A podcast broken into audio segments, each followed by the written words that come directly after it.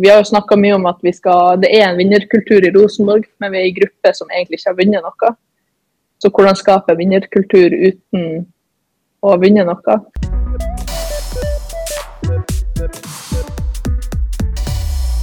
Hallo, hallo, og velkommen til nok en episode av Mer enn 442, en podkast av og for jenter i fotballen. Mitt navn er Silje Mese, jobber i Toppfotball Kvinner. Og I dag så er det ganske tomt i studio fordi toppserien har gått ut i ferie. Cecilie Fiskerstrand, du sitter i Ålesund. Hallo. Hello. Savna å være i studio med deg. Ja, Veldig rart å være her alene. I tillegg så har vi med en gjest fra Rosenborg. Hallo, Cecilie. Hallo. Vi bare valgte å runde hele Cecilie-poolen i toppserien. Forrige, forrige, gang med Cecilie Kvamme, nå med Cecilie Andreassen. Cecilie, kan ikke du introdusere deg selv? Eh, jo, det kan jeg. Vi, vi, jo, vi, kunne jo hatt et panel en dag der vi bare samla alle sammen, forresten. Ja, det hadde vært koselig. Det hadde vært veldig koselig ja, ja. og forvirrende for alle som hører på. Ja, ikke sant. Nei, men jeg heter nå Cecilie Andreassen og er midtbanespiller til Rosenborg. Jeg er 27 år gammel og født og oppvokst i Svolvær i Lofoten. Og ja, har forvilla meg ned til Trondheim nå og spilt her i en, begynner å bli noen år, egentlig. Du har jo virkelig funnet deg et hjem du nå i Trondheim? Ja, jeg har det. Eh, og dere har jo litt ferie. Har det vært eh, deilig nå? Du har vært i Ålesund en uke, Cecilie? Ja, det er veldig deilig Kobla av litt. Og du andre Cecilie, du har vært på ordentlig ferie, hvis det er lov å si? Ja, jeg har vært eh, på en liten charterferie på Grankerne, Så jeg er litt sånn smal i øynene, så kom jeg hjem litt, litt sent i natt. Så. Men eh, det var veldig deilig. Er godt å få kobla av etter en lang sesong og få samla litt soltimer også. Det har vi bare godt av. Så det har vært fint, det. Sesongen for deg, Cecilie, den kan jo beskrives som eh, kontrastfylt. Um, den starta jo med et pang da du fikk din A-landslagsdebut eh, mot Spania i påsken. Og du skåra også ditt første A-landslagsmål i samme kamp, eh, før du like etter ble langtidsskada. Eh, tok kneet og var ute i eh, flere måneder. Og så har jo også Rosenborg hatt litt varierende prestasjoner, med en god vårsesong, liten dupp på høsten. Eh, men dere klarer jo likevel å avslutte med sølv og sikre Champions League-plass til neste år. Og ta cupgull, hvor du også skårer en matchvinnende eh, scoring. Hvilket terningkast vil du gi denne sesongen? Nei, Det er et godt spørsmål. Man har egentlig bare lyst til å gi to terningkast. og i begge enden av skalaen. Eh, men uansett hvordan det var på veien dit, så endte vi opp med en fantastisk sesong der vi faktisk, ja, som du sier, klarte å få cupgull og klarte å sikre den Champions. Eh, vi er vel så nært i serien så det kanskje bare kan gå an å sportslig sett vinne den, men på klubb og drift klarer vi å ikke vinne den. Eh, så jeg tror jeg bare da må ende opp på en femmer, faktisk. Fordi ja, vi, vi, gjorde det egentlig veldig bra. Det endte jo veldig godt. Men det kunne også endt eh, bedre, siden vi akkurat ikke vant seriegullet. Så sekseren den må bli til man klarer å ta det dobbelt, tenker jeg. Hva har, du, hva har du lært av denne sesongen? Eh, nei, jeg tror Vi har jo allerede lært litt, og jeg har lært litt. Og så tror jeg jeg kommer til å lære mer og mer som tida går også.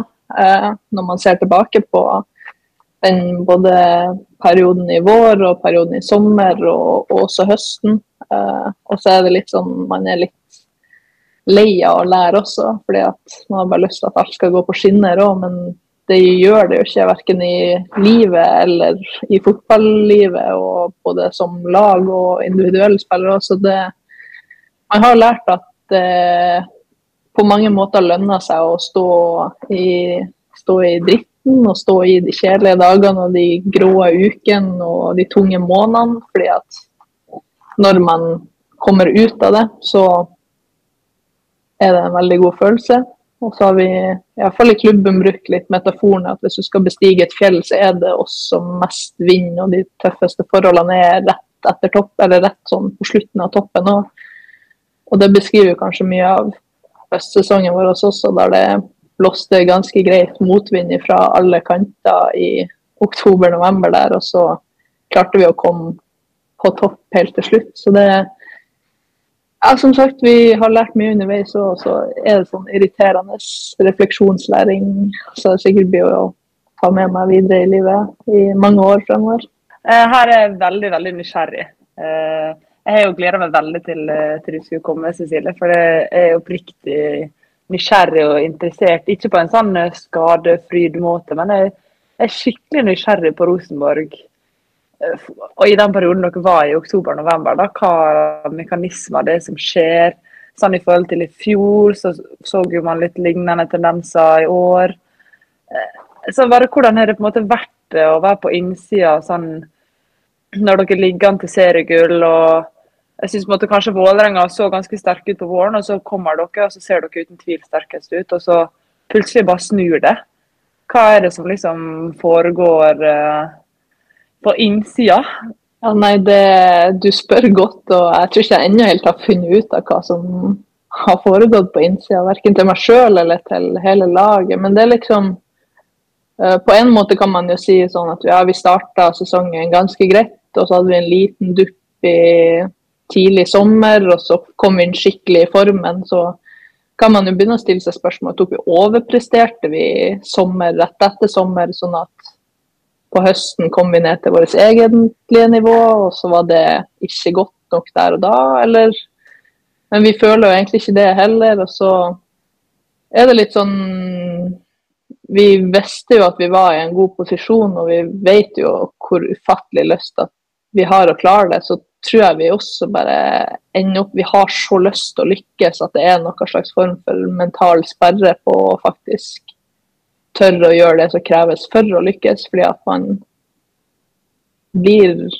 knytt og man blir redd, og når man blir redd, så tør man ikke utfolde seg sjøl skikkelig som person heller. Så det, det, er nok noe der. Og så har vi, basert på erfaringer som vi hadde i fjor, det har jo skjedd før, så vi har jo OK, hvordan kan vi prate bedre om det her i år, hvordan kan vi trygge oss bedre? Men så klarer vi på vis ikke å få det til helt.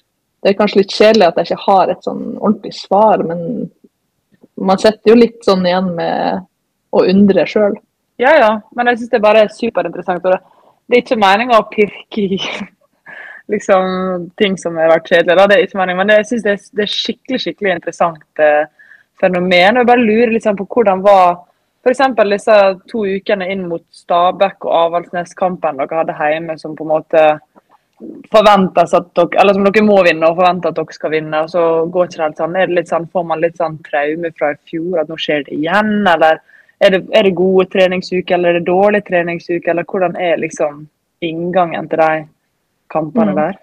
Det var litt sånn, Vi hadde vel en kamp Vi, vi spilte 1-0 hjemme mot Åsane i en kamp som lugga ganske mye. Uh, og har vi følt sånn OK, der landa vi akkurat på beina og vant den. Og vi har prata mye om at vi må vinne de kampene vi faktisk ikke er så gode i også.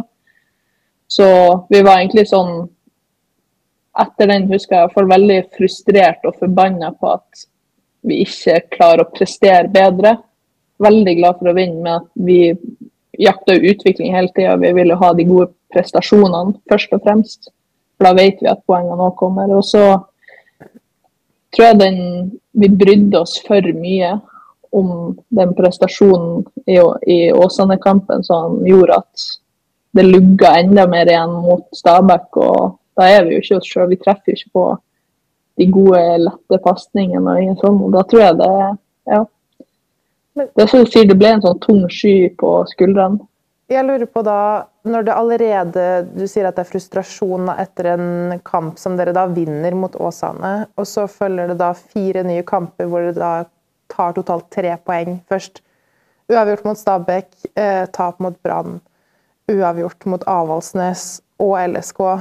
Hvordan Altså, progresjonen der, på en måte sånn OK, etter tap av poeng mot Stabæk, eh, og så en tap mot Brann altså sånn, Hvordan hvordan er stemninga da etter da det tapet mot, eller uavgjort mot Avaldsnes da, i kamp nummer tre der? Den er jo ganske trykka på et vis fordi at vi har så lyst til å prestere. Men jeg tror iallfall etter den Avaldsnes-kampen så var det en sånn OK, det der ble null.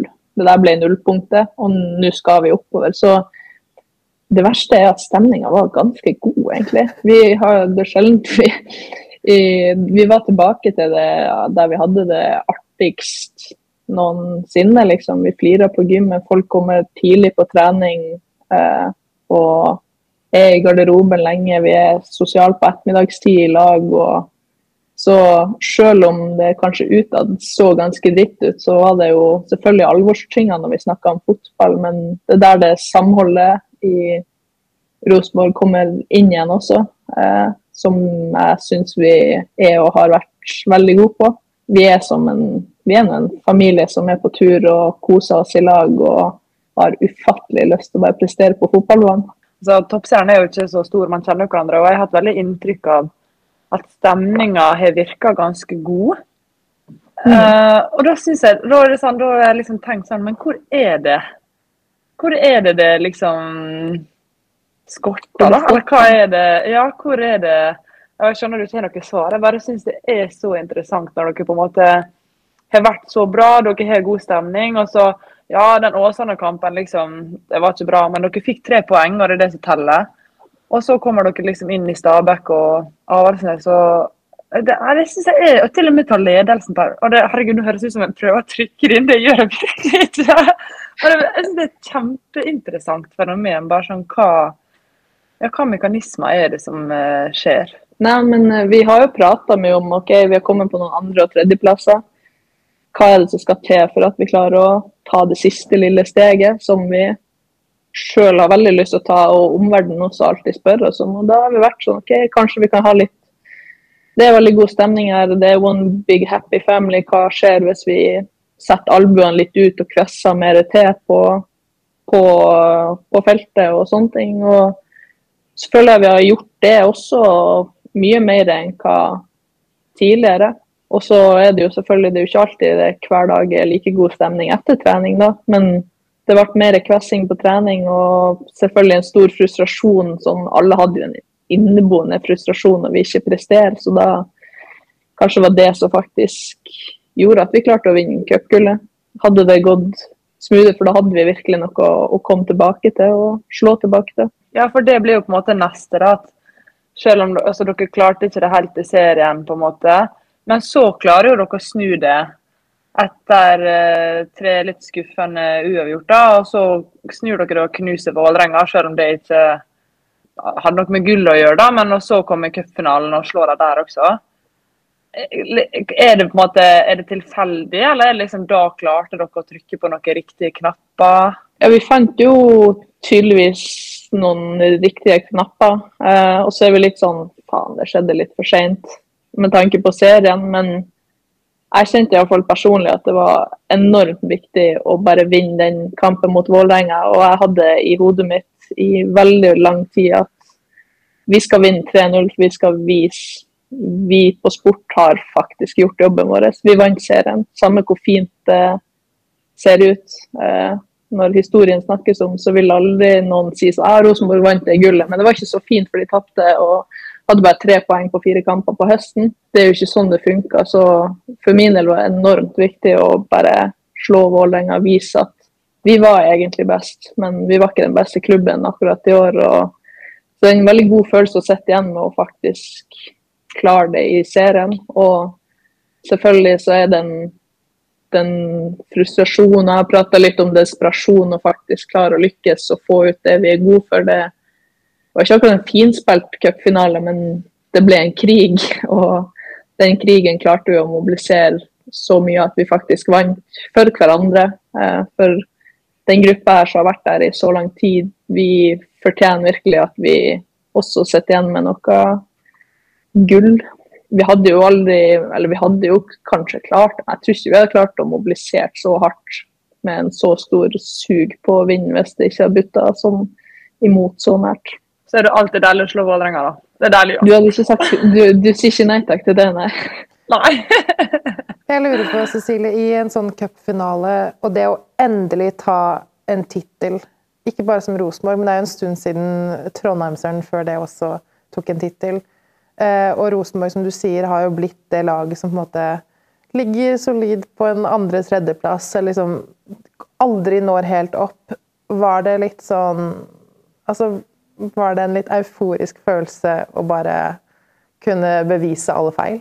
Ja, på et vis. Det, vi hadde jo allerede da blitt omtalt som både nesten-laget og sånn som Silje sier, alle sitter og lurer på hva er det som foregår egentlig i garderoben i Trondheim. og eh, Veldig deilig både for oss sjøl og for la oss si, omverdenen også. da. Og så er det liksom Du har en masse familie og venner på tribuner som også har vært der i de blytunge stundene der de så vidt har tort å ringe deg fordi at de ikke vet om de blir kjefta ned, eller om du, hva det er du får. Og du har eh, gamle ørnveteraner, de som virkelig har tråkka stien foran oss og var mestvinnende i klubben. Så det er veldig godt å på en måte få få til å lykkes og få til et gull tilbake til klubben. og sånn, Ikke bare for deg sjøl, men også for alle de rundt deg. Og Rosenborg som klubb er jo ganske desperat også etter gode opplevelser, så det er på en måte fint å ta det også hjem til, til Trøndelag. Jeg lurer på sånn til neste år da, og videre i fremtiden, for at Rosenborg skal være det laget som bare vinner titler gang på gang på gang. Hva må gjøres? Eh, nei, Det er jo et godt spørsmål. og det er jo på en måte Forventninga til Rosenborg og til oss er jo at vi faktisk skal skape et maskineri. Vi skal ikke bare vinne i år, vi skal vinne til neste år og neste år fordi at det er blitt gjort på herresida i klubben tidligere, så det vises at det går an. Eh, og f.eks. Bodø-Glimt nå på herresida er jo òg i, gang med noe sånt, men de har jo heller ikke vært så, så lenge. Det er jo mest nå i nyere historie, det er jo i nyere tid og de siste årene. Så de må ha de er på en måte begynt på et maskineri. De må, og det eneste vi har kunnet klart for oss så Vi har jo snakka mye om at vi skal, det er en vinnerkultur i Rosenborg, men vi er en gruppe som egentlig ikke har vunnet noe.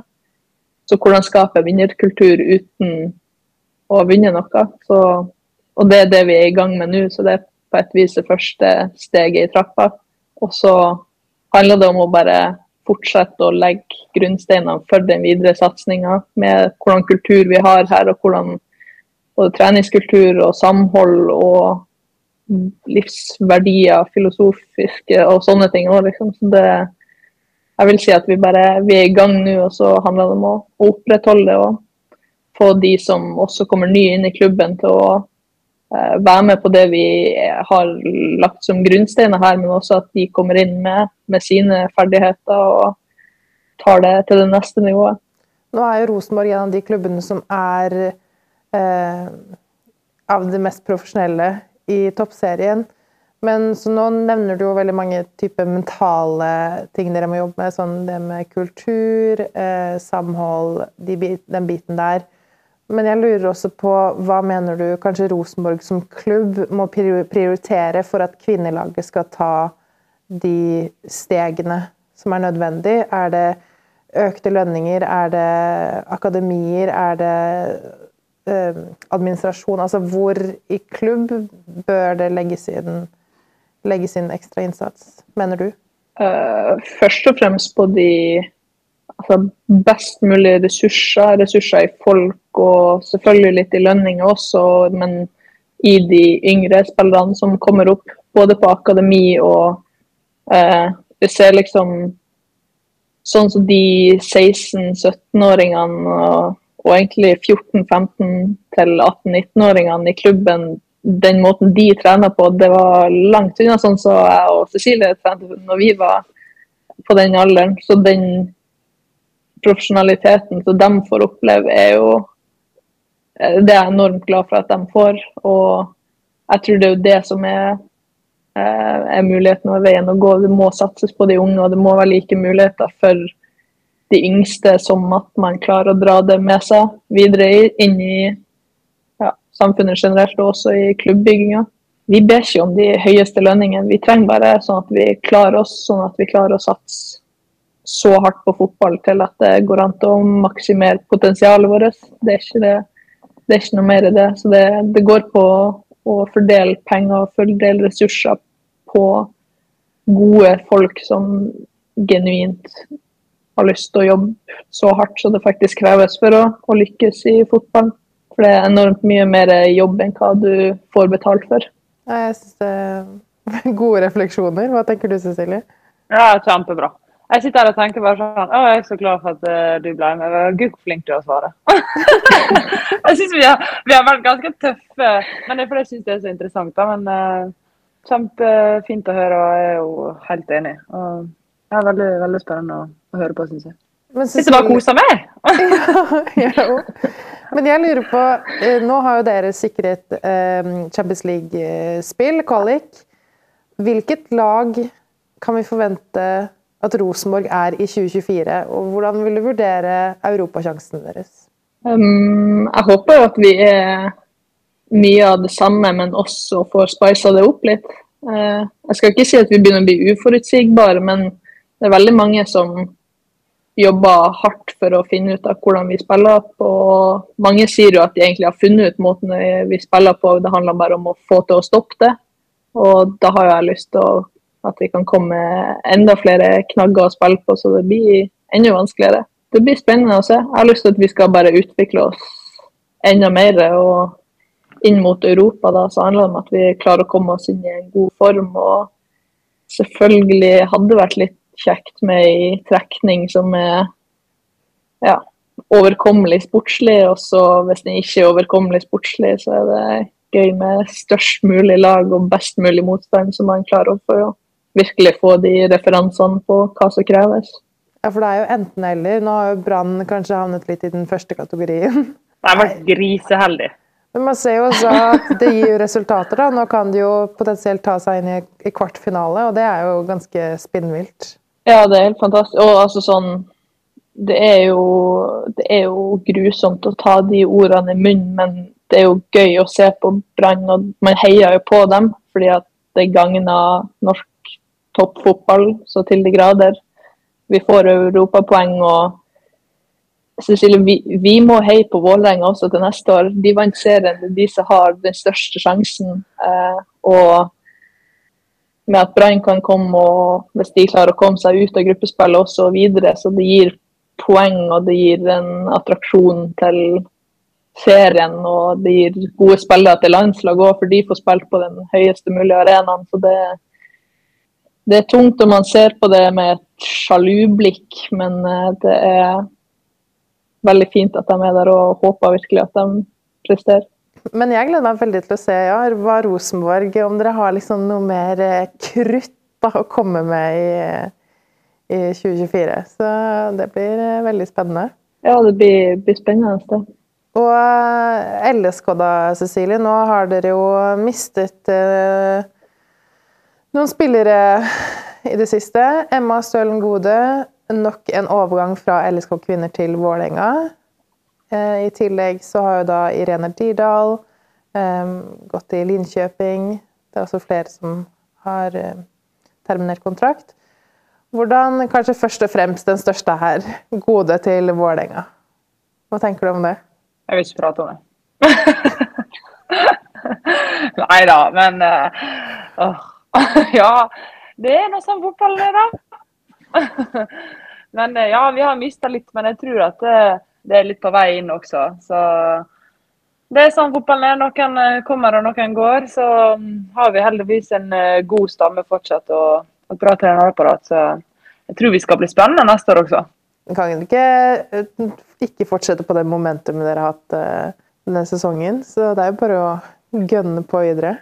Ja, vi er veldig, veldig positivt innstilt. Det er en veldig sulten gjeng som uh, fikk på en måte en del uh, motivasjon og mestringsfølelse i denne sesongen her. Så det kan bli spennende neste år. Og dere... Det ble egentlig snakka for lite om, syns jeg. Sorry for at jeg avbryter, men det, den prestasjonen Lillestrøm gjorde, liksom alt fokuset skulle bare være på Rosenborg og Vålerenga, og egentlig Brann det her året. Men så gjorde Brann ikke så bra. Bare, Oi, shit, nei, da må vi kanskje begynne å prate om Lillestrøm også. Følte jeg media ja. var på Jeg syns ja, de avskrev dere veldig tidlig og var liksom måtte ha det inn med teskje også. At, at dere presterte og gjorde det godt. Så det, det syns jeg folk var litt treige. Ja, det syns jeg også. Da får du stjerne i boka til Cecilie.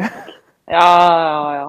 Jeg sa det. Jeg møtte jo um, Mimmi på søndag, og så ga hun bronsemedaljen.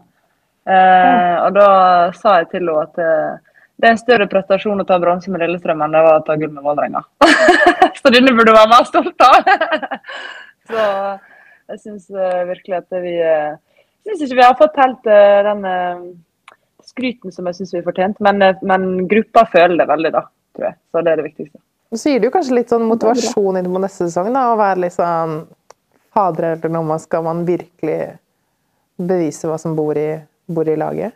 Ja, veldig. Og vi skal bare fortsette å bygge. Altså, vi var jo med på en måte hele veien inn, egentlig. Og vi lå jo langt foran Brann eh, lenge. Så nei, det er veldig, egentlig bare gode ting å ta med seg inn mot neste år. Jeg syns eh, vi klarte å bikke kampene vår vei, og vi klarte å spille eller prestere OK. Og så har vi noen, spesielt på våren, da, noen kamper som er helt krise, så vi må luke bort det. Så kan det bli veldig spennende. Og i eh, Rosenborg Cecilie, så har dere fått inn en meget eh, rutinert toppseriespiller i Hanna Dahl. Kommer fra Avaldsnes. Hva tenker du om eh, Hanna Dahl i Rosenborg? Jeg tror det blir kjempebra. Veldig, veldig fint at de etablerte spillerne også i toppserien beveger litt på seg, ikke bare de yngste. og Jeg gleder meg til å bli kjent med Hanna som person, og selvfølgelig spille med også. Det, jeg tror det kan bli veldig fint. da. Nå er det jo, Når vi først er inne på Avaldsnes, så er det jo verdt å nevne de siste, siste dagene med mye turbulens. Nå ble de relegert til førstedivisjon eh, pga. Økonomi. Hva tenker dere om både at Avaldsnes må rykke ned på den måten, um, Arna-Bjørnar fortsetter som toppserielag. Hva er deres tanker rundt den situasjonen her? Jeg skulle si just take it away. Ja, eller jeg kan begynne. da. Jeg syns jo at, at hele denne situasjonen her er veldig rar. Jeg eh, forstår ikke at sånne ting kan komme på en måte nå. og Avaldsnes sned, og AB opp. og det, det synes hele høres uh, veldig rart ut. Og så skjønner jeg ikke helt uh, Jeg forstår ikke helt liksom, hvordan grensa går på sånne ting. sånn Kolbotn kommer opp og har ikke heimebane. Nå har de fått Grorud, da, men de har fått liksom dispensjon for det. Og så Røa har jo fått dispensjon i hvor mange år med å ikke ha vanning. altså jeg forstår ikke hvor, på en måte, hvor går grensa. og det er jo ja, altså, det er mange lag som ikke har gode nok betingelser og sanne ting. da. Så jeg forstår ikke helt uh, hvordan den, eh, det systemet der fungerer. Nei, nå er ikke jeg noe ekspert Nei, selv, men det går jo på, mm, går jo på at de hadde eh, negativ resultat inn før sesongen, og så har de levert en handlingsplan eh, for å bevise at de skal få grønne tall igjen. Eh, og så har de ikke klart å møte de, møte de kravene da, som var satt i de handlingsplanene. Så de har brutt handlingsplanen. Og så skal ikke jeg snakke veldig mye om ting jeg ikke kan i dybden, men det er vel det det står på rent økonomisk. da, at det, det er ikke nok penger til å, til å, drifte på en bærekraftig måte. Nei, Først og fremst er det bare synd at det er noe sånn som egentlig er så uprofesjonelt som det kan få det. Og det er liksom det samme sesong der ja, altså det er jo, Vi, blir, vi taper seriegullet på noe som handler om økonomi, og vi får et lag som rykker ned pga. økonomi. Så det brukes jo penger man ikke har. Det er jo positivt at klubbene bruker penger fordi at det prøves å satses, men økonomien er jo ikke sunn. Og den, selv om den er i bedring, så er den jo ikke god nok som på toppseriestandard. og Jeg har ikke fått med meg det med at Kolbotn skulle spille på Grorudbanen, men ja, det røyk noen korsbånd der i fjor for Lyn som spilte der. Og den røde banen som spilles på år inn etter år ut, og forbundet de, de godkjenner det de kan av, av goodwill. og ja, jeg, jeg, begynner å bli frustrert og lei og syns ikke forbundet tar oss nok seriøst. Jeg syns ikke klubbene velger òg å sende spillerne sine dit. Jeg skjønner at de ikke har noe valg, men altså, Lyn som klubb som spiller på Grorud når de ikke kan spille på Kringsjå, de bryr seg ikke så mye om spillerne sine, de heller. Røa som ikke får i gang et vanningsanlegg der. Det er Oslo kommune, og det kan ikke alltid være opp til kommunene å drive breddeidrett, eller drive toppidrett fordi at de skal drive breddeidrett, men det, det er et evig sammensurium, og jeg tror at vi må få profesjonalisert den toppidretten og få den skilt litt mer fra, fra bredden i de klubbene. For hvis vi skal som nasjon ta noen mer steg og komme oss opp til dit vi har lyst til å være. Nei, jeg er helt enig. Det, det, det er mange ting som må nødt til å bli bedre. Også i den Avaldsnes-situasjonen så har jeg utrolig stor medfølelse for de spillerne der, som har liksom kriga seg gjennom disse siste kampene i toppserien. Det var kjempespennende. Og så klarer de den kvaliken, og så må de rykke ned likevel. Og vi står jo ganske snart i midten av desember, og plutselig skal laget deres spille i en annen divisjon enn det som de har klart å krige seg til da, pga. noe som står utenfor deres kontroll. Så det er en skikkelig trist uh, situasjon for dem. Over til noe helt annet, eh, Cecilie. Så har jo eh, supporterkulturen i Trondheim og Rosenborg vært et stadig tema. Eh, man bruker ofte Brann som det gode eksempelet der alt har fungert kjempebra, og så blir Rosenborg kanskje brukt som motpolen der det virkelig ikke har fungert helt som man kanskje skulle håpe. Eh, hvor kjernen egentlig ganske offentlig har gått ut og sagt at de har ikke noe tilknytning til Rosenborgs kvinnelag. Det ble jo veldig tydelig, spesielt NRK-dokumentaren 'Kampen'. Du har jo også vært ganske tydelig i, i saken og hatt litt eh, ja, meninger, om, meninger, om, det her. Eh, nå har jo dere fått en egen uh, supporterklubb, Trollungene. Eh, hva, hva, tenker du om hele situasjonen som har vært rundt Rosenborg og supporterkulturen der? Eh, jeg tenker jo at det, det, er både litt vanskelig og litt lett, egentlig. Fordi at det, supportere og folk som følger med en klubb, er jo fullstendig på Det er jo frivillig basis, og man kan liksom ikke tvinge folk til å være engasjert over noe. Eh, og samtidig så eh, De som liker fotball, de ser på oss, de følger med oss. Og så er det ikke alle som kanskje har hatt en kanal til å faktisk stå og rope og hoi, sånn som kjernen. Det, det, er lett å bli med i kjernen fordi det er så mange, men det er ikke så lett å bare komme på Koteng og stå alene og synge foran 22 spillere og 400-500 andre mennesker. Eh, så jeg skjønner på et vis at det ikke har blitt det store engasjementet. Men nu, vi, vi trenger ikke å prate så mye om de som ikke er der, vi vil heller prate om de som faktisk er der. For det engasjementet som de trollungene har starta, og du har eh, trollungene i Oslo, vi har trollungene i Bergen som følger oss på hver en bortekamp. og det er, det er, et ekstremt stort engasjement både rundt oss og rundt klubben Rosenborg på begge sider. Eh, men så sakte, men sikkert så kommer flere og flere ut og blir med. og det er ekstremt viktig for oss som spillergruppe. Og, altså, vi er en veldig inkluderende gjeng, og vi er en inkluderende gjeng både på og utenfor banen. Så vi prøver jo på en måte hvordan er det vi kan få nå frem til supporterne også, så de skal føle seg inkludert, dem også, i hva vi holder på med hver dag. Altså, det er så kult, det som har skjedd. At det er altså en gruppe med ungdomsjenter egentlig, som har bare tatt et initiativ og og hatt workshops på klubbhuset på Koteng og står der og hoier og maler seg ansiktet. Og det bare er så Jeg får gåsehud bare jeg prater om det.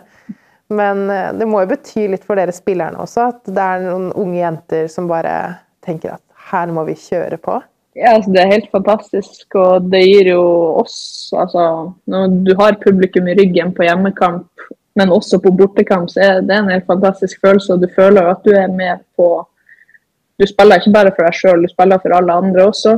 Og jo flere man er i lag som får til en prestasjon, jo artigere er det egentlig. Og de, altså det å også over tid nå bare bli mer ja, få mer relasjoner med supporterne våre også, og bli bedre kjent med dem. Vi har en cupfinalefest på Eilifs der supporterne også er med. og det jeg syns det var kjempeartig å feste litt i lag med dem òg, liksom. Så vi, vi, tar de små skrittene eh, dag for dag og kamp for kamp. Og så kommer det ikke gratis. Engasjementet til folk i 2023 det kommer ikke gratis, så det må man virkelig jobbe for. Hva tenker du når du ser det her, Cecilie, hvordan de har bare um, endret litt skifte da, i Rosenborg? Hvordan tenker du på LSK?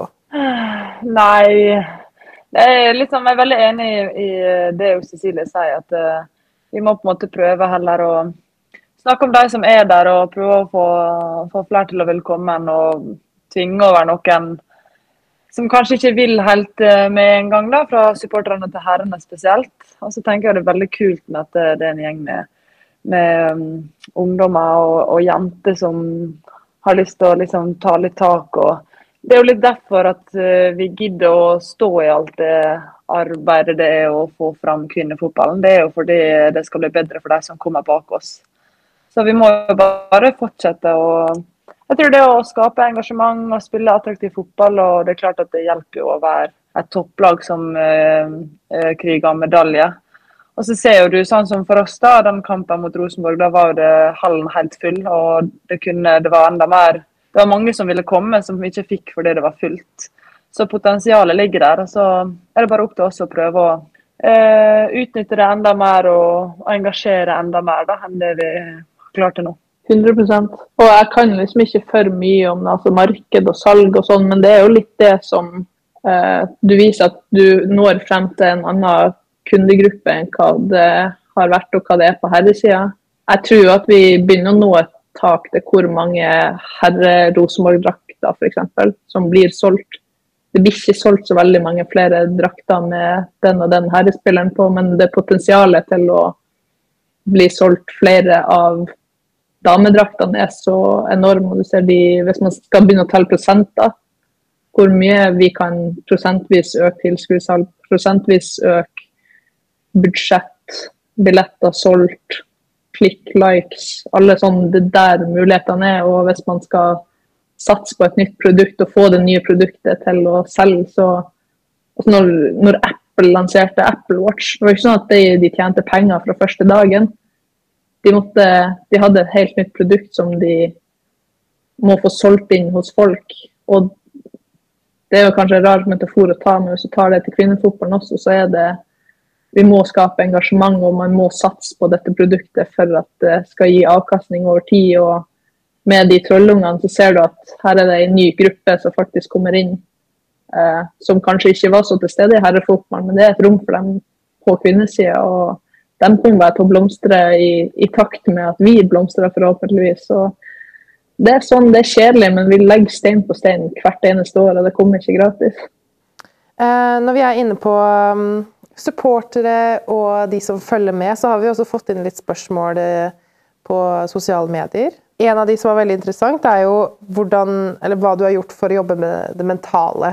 Og det er jo kanskje sånn spesielt hvis vi kan se på sesongen i år, hvor du har hatt skadeavbrekk, eh, mistet muligheten til å spille et mesterskap. Eh, du kan jo snakke litt om hvordan du har jobbet mentalt tidligere, men også denne sesongen som har vært nå. Eh, jeg tror jeg er en av de som kommer litt sånn i etterkant og ikke har ikke vært sånn først ute og innovativ med å prøve nye ting akkurat. Så jeg tror jeg har ikke jobba så mye aktivt med det mentale tidligere.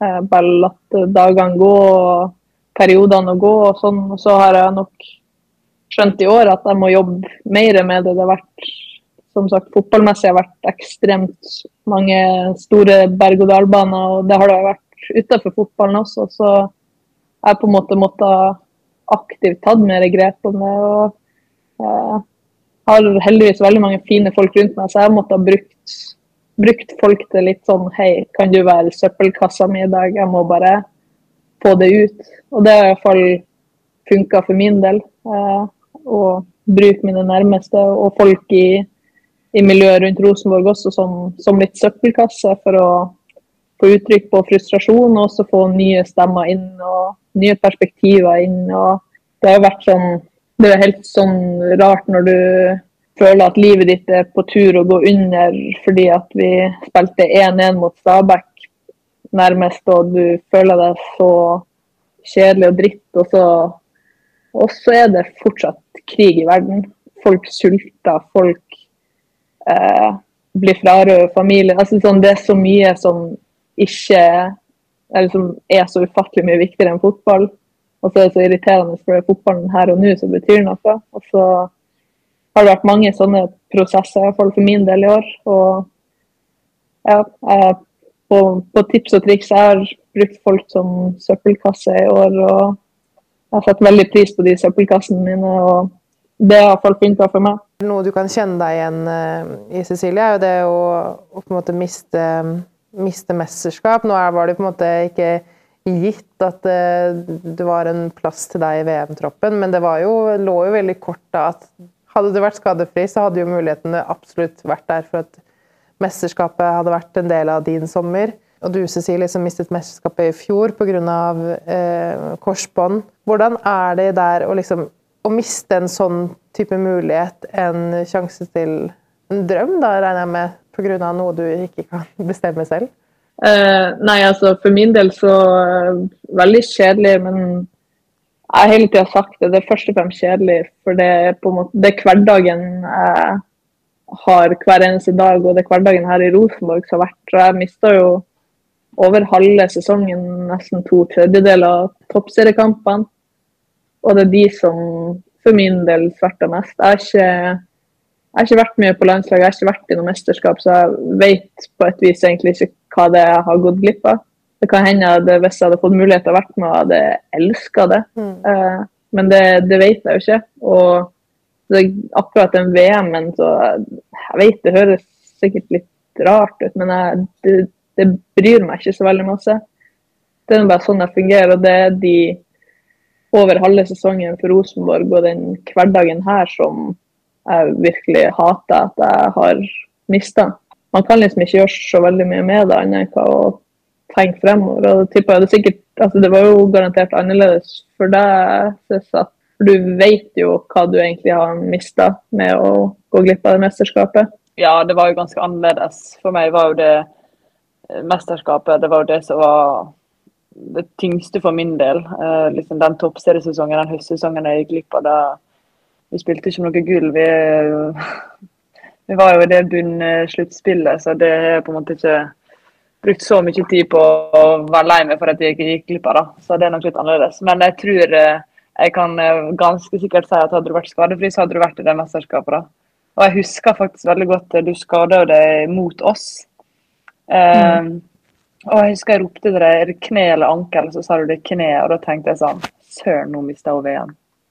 Så jeg tenkte faktisk på det når du, når du skada deg, da. Men uh, det er jo bare bra at eh, det var én ting mindre du ikke trengte å bruke energi på, så det er jo bare fint, det. um, og så tror jeg vi skal ja. si at uh, Nei. nei. Jo, kom igjen. jeg, ville, jeg, ville, bare skyte inn at uh, Eh, Cecilie er uten tvil Rosenborg sin viktigste spiller. Så Rosenborg med og uten Cecilie er veldig veldig stor forskjell. Så eh, jeg tror nok for deg også så, så var det et veldig, veldig stort eh, savn. Så jeg skjønner på en måte at det ja, det blir, betyr mye, da, for du har så mye å si for laget ditt. Så det, det forstår jeg. Vær så god, gå videre, Silje. det fortjener skryt. Det er viktig å ta med. Ja, det, det ja, Jeg setter veldig pris på det. Veldig pris på det. Vi har jo også fått inn spørsmål om um, hvem som har vært Altså én, det var litt sånn blandet, kanskje man kan slå de sammen litt, men det var litt uh, hva som fikk deg til å satse fotball. Du har jo selv nevnt at du er fra, du er fra Svolvær, en liten plass oppe i Lofoten. Eh, hva fikk deg til å satse fotball, og hvem var dine forbilder når du, når du vokste opp? Ja, fotball har egentlig alltid bare vært det jeg har drevet med. Helt ifra eh, vi leka ute på lekeplassen i, i, gata jeg bor i. Og, så jeg, har, jeg, jeg, føler jeg aldri har sagt sånn OK, nå satser jeg. Det har jeg liksom aldri gjort. Det har bare vært helt naturlige overganger hele tida. Jeg har fått hatt masse fantastiske folk rundt meg og i Svolvær og i Hålogaland fotballkrets. og eh, begynte jo alltid spilt med guttene, egentlig. Eh, fordi at det var dem som spilte fotball. Og det var som en selvfølge at jeg bare skulle være med guttene. Og hadde mange gode trenere som har skapt en masse fotballglede og sånt fra tidlig alder. Så jeg har fått hospitert opp med eldre jenter og fått uh, tidlig hospitert mye på sone og på kretser på sonesamlingen med guttene som var to og tre år eldre enn meg, fordi at jeg takla nivået. og da, Det var ikke noe å se på kjønn heller, da var det bare en utviklingsarena for meg og, og de andre. og Tidlig var Mekila inne på banen også, og var på helgebesøket der. og hele tida egentlig bare fått lov til å spille fotball uh, på det nivået som har blitt tilbudt til meg. Og føler jeg aldri har virkelig sagt eller gått for OK, nå satser jeg. Det har bare, det har bare alltid vært der. Det er en naturlig del av det. Og så kan man jo stille spørsmål nå, da, når man ser den utviklingen som skjer. Tror du det hadde vært like mm, lett for deg nå å nå det nivået som du er på? Eller tror du du måtte liksom flyttet hjemmefra tidligere, eller Altså, nå ser man jo mer fokus på utviklingsavdelinger, akademier også på kvinnesiden. Eh, hvor man kanskje rendyrker enda mer, da. Hvordan, hvordan, ser du på tiden nå, sammenlignet med hvordan du vokste opp? Jeg tror det, det gagner at det blir mer akademi og mer profesjonelle arenaer for utvikling også. Men så tror jeg det fortsatt er viktig å Som er nesten min kjernesak, man skal trives i hverdagen, og det er hverdagen som er viktigst. Så det å flytte for å satse på et uh, toppidrettsgymnas bare fordi at du har lyst til å bli god i fotball, det er ikke nødvendigvis alltid veien å gå. Jeg var heldig i Mekjela. Jeg fikk lov å Jeg spilte toppserie, men bodde i Svolvær og trente ikke med laget, men ble kjørt til Harstad til, uh, i helgen og fikk være med og spille toppserie der, for det var det som funka for min del. Jeg var ikke klar å flytte hjemmefra når jeg skulle begynne på videregående. Så jeg gikk første og andre videregående hjemme i Svolvær og bodde hjemme med mamma og pappa. Og fikk fortsatt lov til å spille toppserie fordi at det gagna både Mekjel og det gagna min utvikling. Og så føltes det mer riktig, og det føltes Jeg var mer klar å kunne flytte dit og gå tredje videregående der. Sånne historier tipper det er rundt omkring overalt til hver tid. Det er noen som flytter for tidlig, og det er kanskje noen som flytter for seint, og det er noen som aldri tør å ta steget ut, og det er noen som ja, som sagt tar det for tidlig. og det, Man må bare finne og tørre å prøve den veien som er. og så som sagt, Det er bra at det blir bra mer profesjonalisering i utviklingsarenaen, men man må huske at det, vi mennesker er forskjellige, og det er forskjellige veier som funker for, for alle. Og så er det jo et spørsmål her som var eh, er det noen eller noe du vil trekke frem som har hjulpet deg på veien? Oi, det er jo egentlig veldig masse, men vi kan ikke sitte her og prate i så mange timer.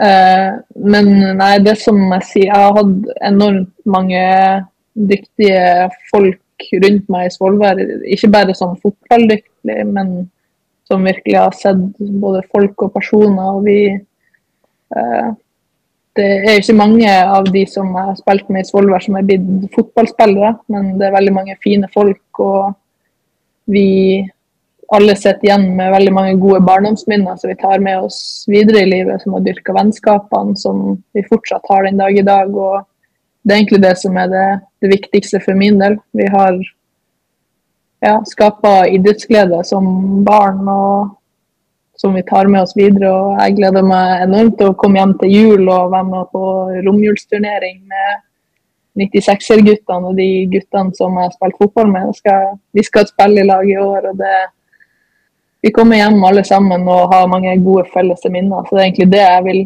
trekke frem, og det er jo det som har gitt meg den fotballgleden jeg har i dag. at Jeg trivdes veldig som barn og med det jeg tror ikke, altså, Hvis jeg ikke hadde trivdes som barn, så hadde jeg jo slutta for lenge siden å finne på noe, mhm. noe, helt annet. Så jeg er evig takknemlig for den oppveksten og den, ja, de fine barnefotballårene, breddeårene, egentlig. Cecilie, har du noe, du lurer, noe siste ting du lurer på? Altså fisken? Jeg føler at jeg har grilla såpass mye at det nå uh, var det fint å avslutte på litt sånn fine visdomsord som man alltid får med oss, Cecilie. jeg så synes det var veldig sånn fin et fint punktum. Men med det så vil jeg si tusen takk, Silje, for at du tok litt eh, fri i ferien din, eller litt tid av ferien din, til å, til å være med og prate litt med oss. Tusen takk for at jeg fikk lov til det òg. Det var koselig. Det syns vi òg. Og så vil vi minne folk på om at eh, Mer enn 442 kan du høre der du hører podkast. Og så vil vi som alltid takke Fotball-TV og Torsi her, som sitter med produksjonen og um, holder oss i øra. God lytting. Ha det bra. Ha det.